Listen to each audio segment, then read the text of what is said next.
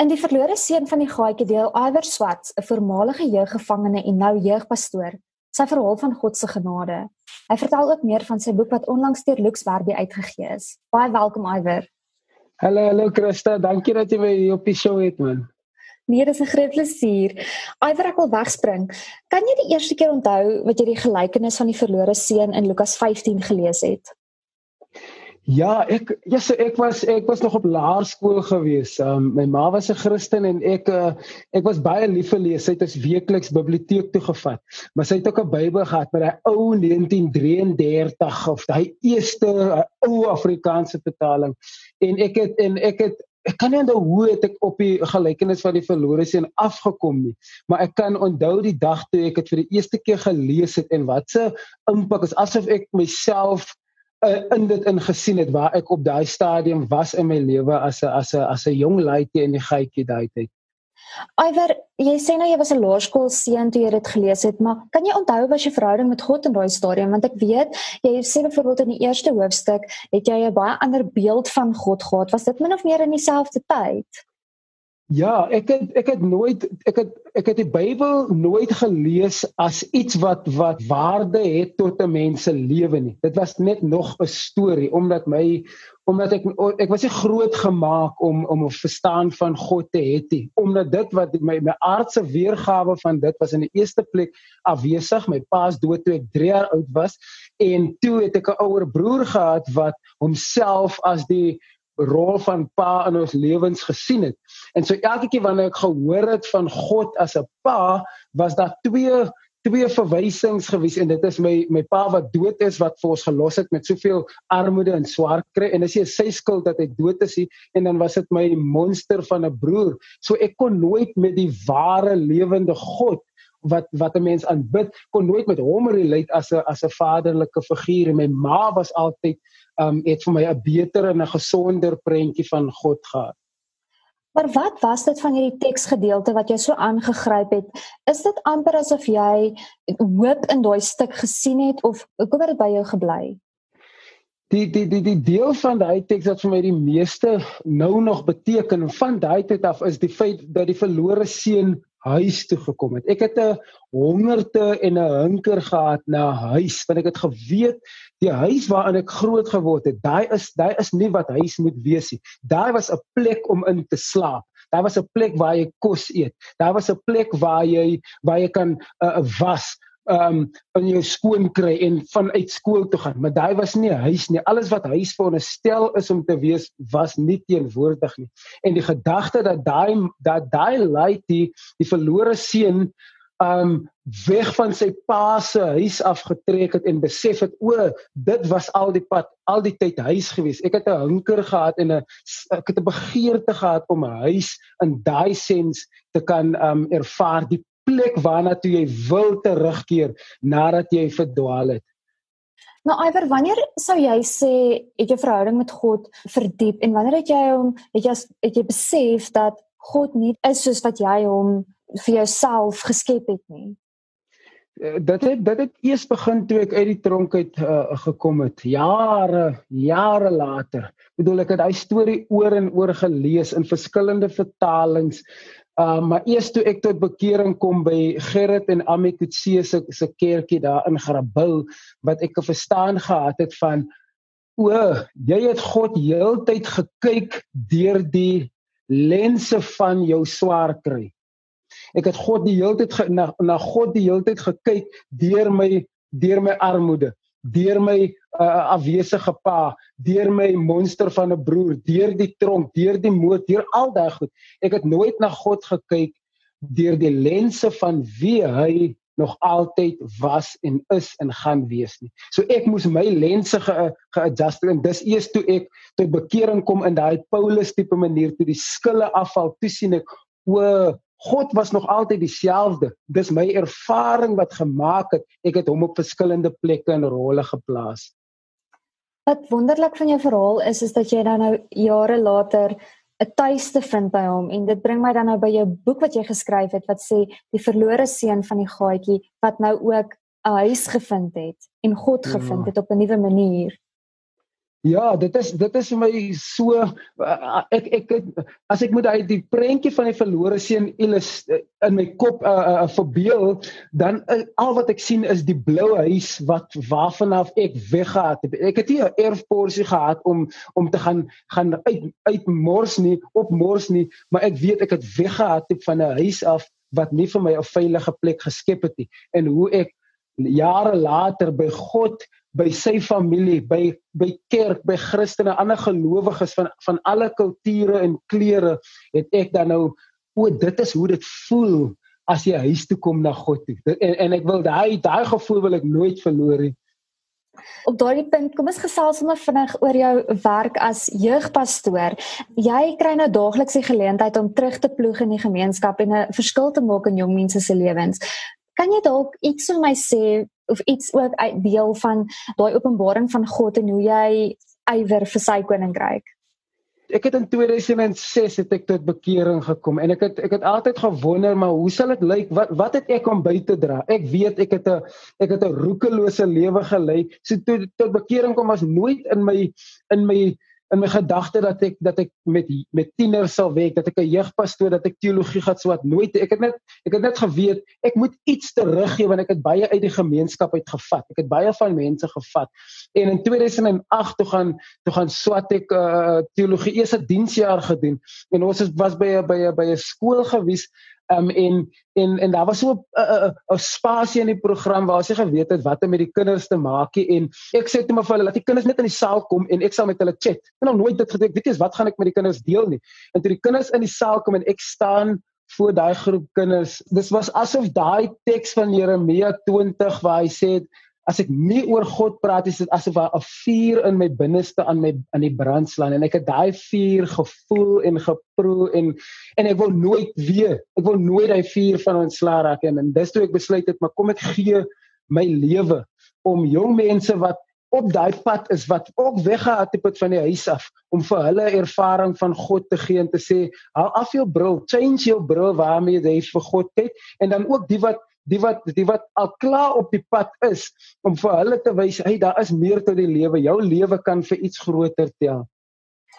En Iwer wanneer het jy besluit om 'n boek oor jou lewe te skryf? Was daar 'n spesifieke oomblik wat jy gemotiveer het of was dit iets wat lankal so half in jou agterkop was en jy net eendag besluit nou gaan ek dit doen Ek het um, ek het uh, in die tronk het ek begin um begin skryf uh, Christa ek het um, ek het so ou nou nog het ek 'n tronkboek waar ek 'n klomp gedigte ingeskryf het. Dit is eintlik een van die korrektiewe dienste se notaboeke wat ek daai tyd en ek confess nou ek het dit gesteel by een van die bewaarders.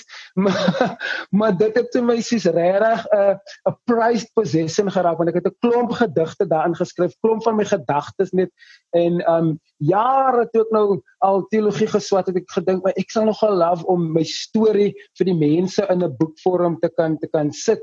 En um, Lux Verbi is het my met met, met soveel liefde um, geapproach ge en Susan het my gevra wil jy nie wil jy, wat wat 'n deel van jou lewe die kort stukkie wat jy nou al beleef het, watse dele van daai sal jy vir iemand wat deur dit gaan of nie deur dit gaan nie, watse waarde kan daai vir hulle bied in 'n in 'n paar hoofstukke en dis hoe die boek ontstaan het. Watter hoofstuk was vir die moeilikste om te skryf en hoekom?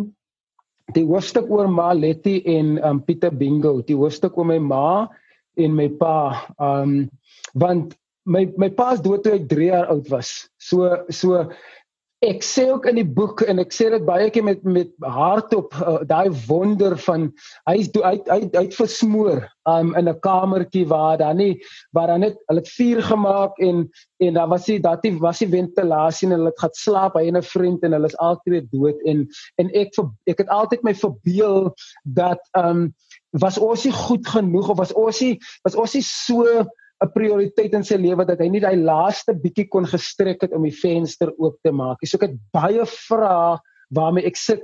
Ek weet daar's 'n klomp besluite wat ek nie sou gemaak het as ek 'n pa in my lewe gehad het nie. So dit was vir my baie moeilik en dat my suster my vertel want ek moes my suster baie keer ek het nog 'n suster in Grabouw wat baie ouer is as ek en ek moes haar baie keer bel om te vra hoe verstaan jy die storie? Hoe ken jy die storie? Hoe onthou jy die storie? En sy het met my gedeel dat ek hoe ek as 'n kind um toe na my pa se dood by die vensterbank gestaan het baie keer en en en en en gehuil het want ek het gehoop my pa gaan net die volgende trok of bus uitklim van die werk af en dit het nooit dit het nooit gebeur. So dit was vir my moeilik om te skryf want ek moes gaan na daai pyn toe ek het hom gehaat en dit was nie sy skuld omdat hy dood is nie. Ek ek was kwaad vir my ek, ek gedink ek sou nie tronk toe gegaan het. Ek sou nie 'n draks gewees het. Ek sou nie moord gepleeg het as hy daar was nie. Um en die deel van my ma is nou weer die heeltemal teenoorgestelde. Was my moeilik omdat sy sy was die een wat die moes saam met my gevier het. Dit is dit is dit is as gevolg van haar sterk vrou wees as gevolg van die feit dat sy ma en pa was vir vir vir drie seuns wat die wat die boek nou bestaan en en sy is hier om met met my te te vier. So dit was nogal moeilik om haar storie ook te skryf. Sou jy sê dat die hoofstuk wat jy oor jou pa geskryf het vir jou heling gebring het, het dit jou gehelp om dinge beter te verstaan? Definitief. Dit het vir my dit my so gehelp om om hom in die eerste plek. Ek het nie nodig gehad om want want, want ek wou hom vryspreek vir iets, maar ek kan nie ek kan nie taal gee aan wat dit is nie.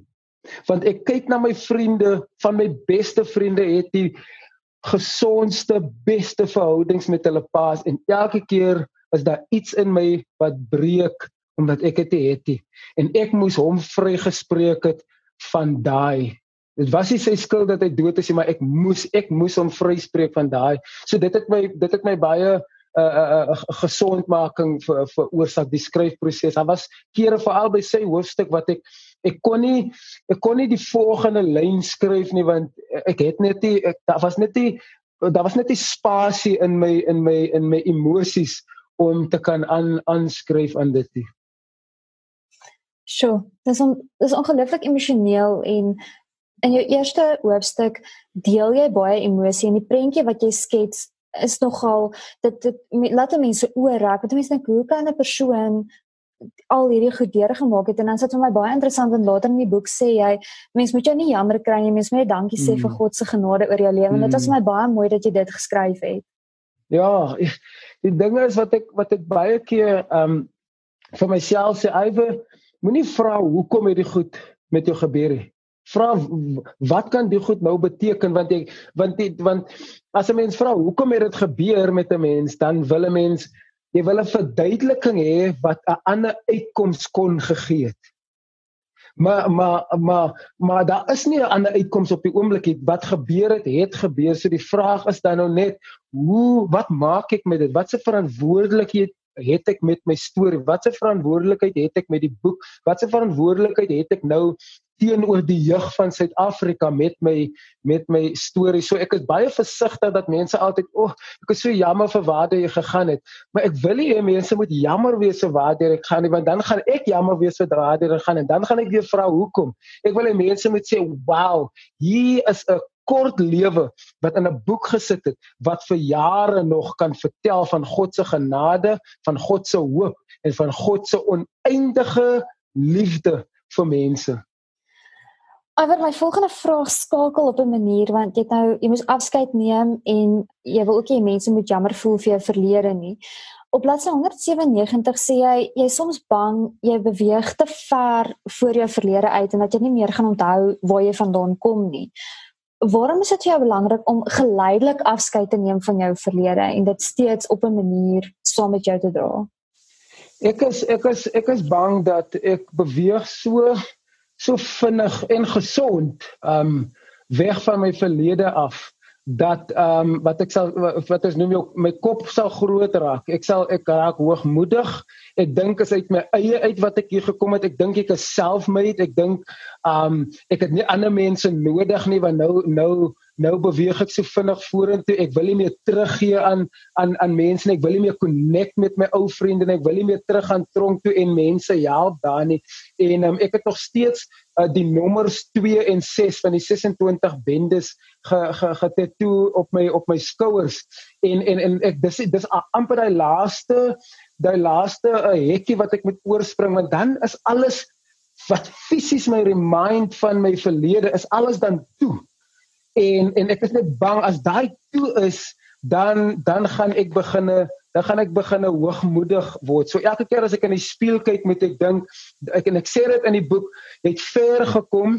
As nou tyd dat jy van die vallei afskeid moet neem, maar moenie so op so 'n manier van die vallei afskeid neem dat jy nie onthou jy was op 'n stadium in die vallei um, van doodskade wen nie. Dink jy jy sal een of ander tyd die stap neem om van die tatoeëermerk ontslae te raak of is dit een van daai van daai laaste littekens wat jy graag eintlik sal wil bou?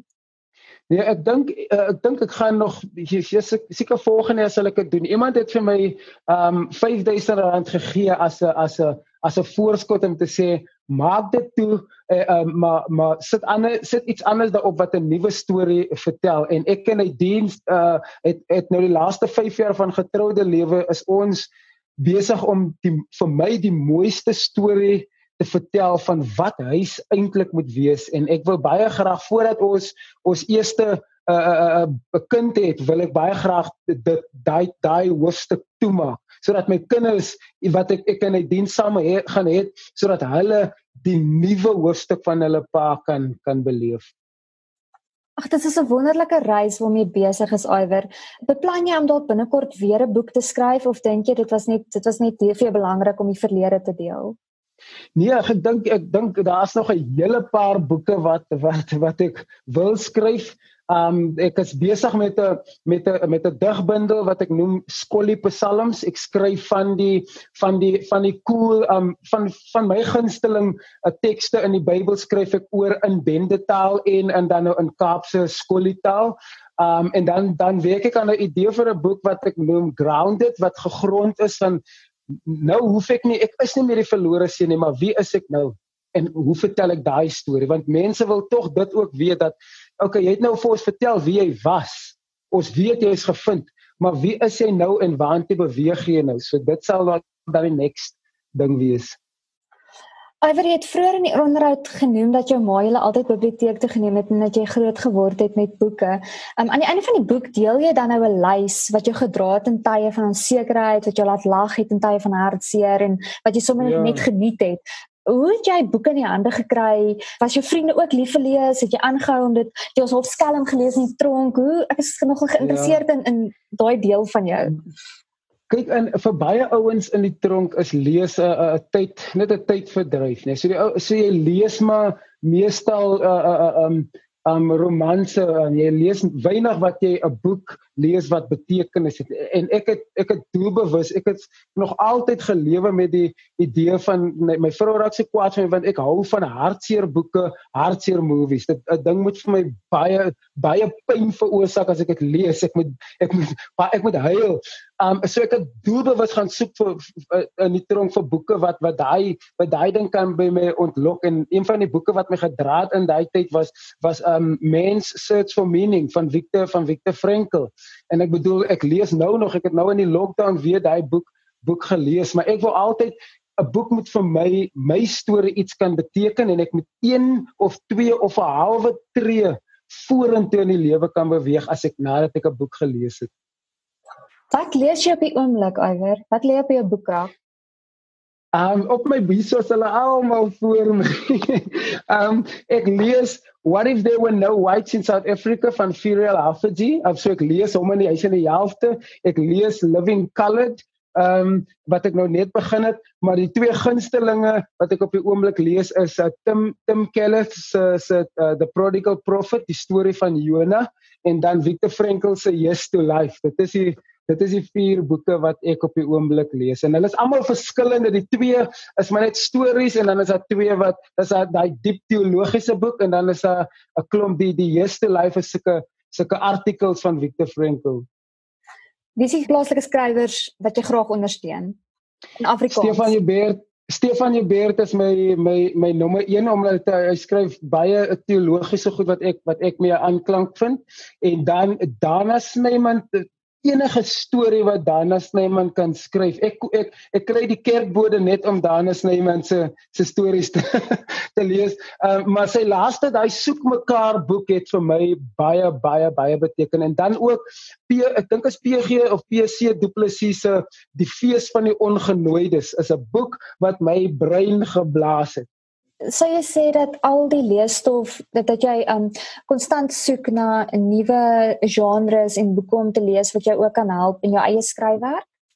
Ek ja, ek ek ek is baie lief vir om om om om wyd wyd te lees. Um, ek lees op die oomblik so my my stilte tyd in die oggend as ek nou bietjie net stil word en bid en 'n deel van my ritme in die oggend is is 'n dubbel espresso en dan twee gedigte. So so dit help vir my om my skryfproses te te te verbreek. Ek lees die groot verse boek en dan twee gedigte daar uit en dan um Dani de Toey se se warmer vir die vir die tuimeldroër